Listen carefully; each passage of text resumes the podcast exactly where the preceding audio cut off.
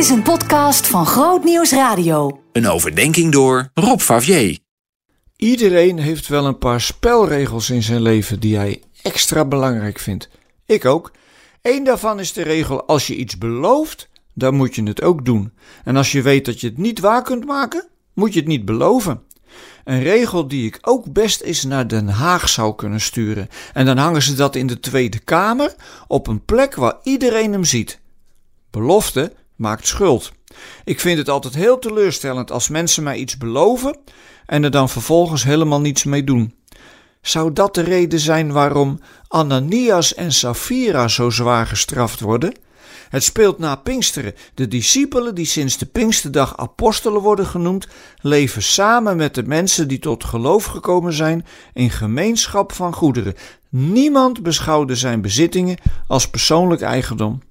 Je krijgt de indruk dat ze het heel goed met elkaar konden vinden en voor elkaar zorgden. En het geld werd verdeeld onder de mensen die gebrek leden. Maar dan is er een echtpaar dat met twee maten meet. Of van twee walletjes eet, net zoals je het wilt zeggen. Ze verkopen, zoals iedereen, iets van hun bezittingen, maar steken van de opbrengst een deel in hun eigen zak. Dat is natuurlijk al helemaal fout, voor zover als het daar ging. Hè? Maar nog erger is dat ze glashard liegen tegen Petrus dat ze de hele opbrengst ingeleverd hebben. Het doet me een beetje denken aan corrupte ambtenaren in arme landen. Ik heb ooit wel eens gehoord dat van elke euro ontwikkelingshulp ongeveer 80 cent verdwijnt in de verkeerde zak. Zo onoprecht kunnen mensen zijn. Maar zo onoprecht mogen christenen in geen geval zijn. Stel je voor. Wat bedoelde Jezus anders met zijn opmerking dat je ja, ja moet zijn en je nee, nee?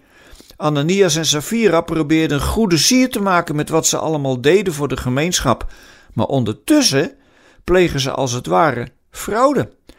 Het is natuurlijk geen geheim dat ontwikkelingsgeld vaak gegeven wordt door een land dat er dan vooral zelf beter van probeert te worden. China investeert bijvoorbeeld veel in Afrika. Lijkt heel aardig, maar het gaat er achter de schermen vooral om om invloed te krijgen. Wat God van ons vraagt, is dat we durven geven zonder bijbedoeling en echt om die ander te helpen. En dan stiekem iets achterhouden, dat moet je niet doen. Als christen mag je juist laten blijken dat als we eerlijker delen, er genoeg is voor iedereen en dat het er vooral ook niet om gaat dat je iets deelt met de bedoeling dat ze jou dan wel heel dankbaar moeten zijn of zo. Nee, het is een voorrecht om te mogen geven. En liefde die je deelt, wordt natuurlijk alleen maar meer. Daarom is het zo mooi als je je bezit, je vermogen, alles waar je misschien hard voor gewerkt hebt, in Gods handen durft te leggen en tegen Hem zegt: Heer, het is van U. Geeft U mij de wijsheid om een goede rentmeester te zijn.